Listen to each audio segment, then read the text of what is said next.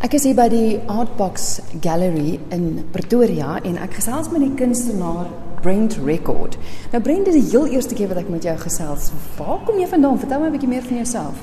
Wel, ek is 'n oud metaller van Durban en uh, ek het in die destydse Transvaal hier kom vestig waar ek nou die direkteur van die kunstskool by die huidige Vaal University of Technology vir omtrent 17 jaar was en ek het in die vorige eeu afgetree en ek het my tyd dan gespandeer op die maak van kunswerke vir 'n verandering want as jy klas gee of jy moet 'n skool bestuur dan is jou tyd baie beperk. So nou het ek kans, nou kan ek nou inklim in in baie kunswerke maak. Dis juist waarom ek vandag hier is. Jy het 'n solo uitstalling wat open by die galery. Jy het collage as medium gekies. Hmm. Hoekom? Wel, die collage storie gaan terug baie diep in my eie geskiedenis. Ek kan selfs onthou toe ek 'n eerstejaars student by Natal Universiteit was, het ons begin met collages en daai ding het vasgesit in my brein sodat ek oor die jare, oor die dekades omtrent 3, 4, miskien 5 uitstallings reeds gehad, gehou het waar ek uh, net collage werk gedoen het. Wat anders omtrent hierdie uitstalling is, is dat die skaal van die collages het baie afgekom na baie kleiner werke. My vorige werke, soos byvoorbeeld daai een met die, die naam van 5X, uh was almal baie groot. Nou het ek vir my die uitdaging uh dat ek nou uh baie klein moet werk. So collage is eintlik baie anders uh in benadering en proses as byvoorbeeld skilderkuns of sê maar drukprosesse soos etswerk en sy skerm en en dis meer. Kom ons praat gou oor die proses want kyk ons almal het groot geword met collage. Erns in jou skoolloopbaan moes jy 'n collage gedoen het. Vertel my gou van jou proses van collage. Okay, nou ons moet waak teen daai uh siening van 'n soort van 'n scrapbook benadering. Dis nie waar waaroor dit gaan nie. Collage is eintlik gebaseer op die steel van uh met uh, uh stof en papiere en ander voorwerpe en goed uit die normale daaglikse samelewing. Dit verander en dit saamsit in uh in 'n 'n beeld waar die betekenis van daai oorspronklike voorwerp nou heeltemal verander word as gevolg van die verhouding tussen al die ander elemente in die beeld self. So ehm um, dit verg dan 'n geweldige baie eksperimentele benadering. Jy speel met stuk papier met stukkies plastiek toedraai papiertjies en allerlei soort uh, goedjies, selfs stukke uit 'n uh, eh, uit 'n rekenaar of op wat ook al. En uh, jy rangskik en herrangskik en herrangskik en soms vat dit weke voordat jy tot 'n 'n 'n 'n bevredigende resultaat uitkom en sê okay, nou is hy reg. En wat waar ek mik om om byvoorbeeld 'n uh, iets betekenisvol daaruit te kry, nie in 'n uh, letterlike sin van die woord. Dit is nie 'n narratiewe ding, dit is nie 'n verhaal of 'n storie of wat ook al. Dit is meer 'n uh, stemming, dit is meer 'n uh, 'n idee van van onverwante dinge wat nou bymekaar is en en skep dus 'n nuwe 'n nuwe idee. amper soos metafore. Ons gaan gou oor vier van jou werke praat en vir die luisteraars verduidelik waarna ons kyk en dan nou aan die hand van dit wat jy nou gesê het verduidelik. Die een het het muntstukke. Is is dit regte ja, muntstukke? Sy titel is ja, dis ware uh, ou, dis die ou muntstukke, dis die ou 1 sent stuk. Uh dis 'n sinspeling op die woord cents want sy titel is Common Sense, maar die sense is gespel nou C E N T S. En uh dit is weer 'n uh, uh, uh, geval van uh, dinge wat uit die samelewing gevat word en die die waarnemer sien dit en sien dit vir wat dit was maar hy sien dit nou ook in 'n nuwe konteks.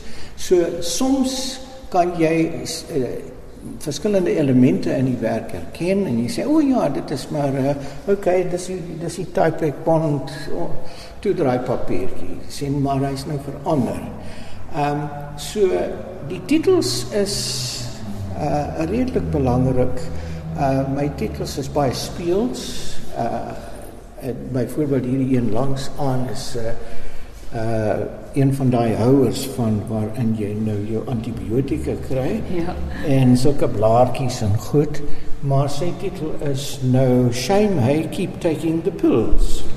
Jy sien. So dit is ook 'n soort van 'n collage, 'n verbale collage want jy neem woorde, seggies, uitdrukkings, uh, metafore, goed wat uit uit die daaglikse taal en jy verander dit 'n bietjie en jy sit dit dan by die die beeld self. Kom so dit is dit is 'n taalkollage, jy weet, dit is 'n ja. soort van spoeg en plak. Ja. Aan die ander kant hier het ons nou een met die naam van uh, It wasn't God who made honky tonk angels. Nou daar gebruik ek titels uit gewilde musiek, maar hierdie musiek is 'n bietjie oud want dit dateer uit die 50e jare. Dis 'n liedjie wat baie gewild geword het in Amerika veral. Dit is 'n country en blues tipe liedjie en dit is gewild gemaak deur 'n dame met die naam van Kitty Wells. En dit het ook 'n interessante storie in hom want Kitty Wells het daai liedjie gesing, iemand anders het dit geskryf, maar in antwoord op 'n ander country cowboy singer met die naam van Hank Thompson. En Hank Thompson het 'n 'n 'n 'n liedjie gesing van hoe sy meisie weggeraak het. Sy het nou uh sy het nou ander liefde in die lewe gevind en so voort. En hy treur nou daaroor en sê jy kan nie vrouens vertrou nie.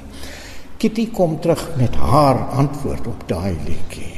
It wasn't God who made honky tonk women, uh, honky tonk girls. En die idee was dat Uh, sy sing toe uh in een van die van die uh, in die lirike um sometimes married men think they are still single and that's why many a girl goes wrong. You see so in a sin sy was een van ons vro vroegste feministe en en en, en uh, jammer om te sê maar ons sit nog steeds met sulke probleme in ons samelewing vandag Ja. Dit is ongelooflik mens moet dikwels baie naby aan jou werk gaan. Ja. Want ek kan amper nie glo dis collage nie. Dit ja. lyk baie so skilderwerk. Wel, dit is as gevolg van my uh, my eie opleiding as uh, skilder, jy weet ek. Maar maar vertel dan vir my die tegniek. Werk jy fisies met gom? Hoe? Ja. Ja, die proses, daar's verskillende tegnieke wat 'n mens kan doen. Ek gebruik 'n gom wat hulle in boekbind gebruik. En dis baie taai jy sal nooit daai goed kan afkry nie. Maar een van die geheime is dat wanneer jy geplak het en so word dan stryk jy dit met 'n warm strykyster oh. so hy smelt hom vas teen die papier. Dis hoekom hy nooit sal afkom nie jy sien. Die laaste werk waaroor ons gaan gesels is ook een van die wat 'n klein bietjie groter is en dis 'n slang Ehm um, ja, hierdie een is ek ek weet nie of dit eintlik 'n storie het nie, maar uh, ek was in Italië en uh, in Italië in Rome het hulle wonderlike winkels waar hulle allerlei soort papier uh, verkoop. Jy weet alles behalwe toiletpapier, maar dis handgemaakte papier, gedrukte papier, toedraai papier allerlei soorte en toe koop ek hierdie een met 'n slangvel patroon uh, op. So daai is jou collage, daai is jou papier daar. Maar ek het dit in 'n ander beeld gebruik en ek het eers eerste keer met dit uh verkeerd uitgesny en toe kry ek dit reg vir die ander skildery en toe sit ek met hierdie stukke van hierdie slangvel papier oor.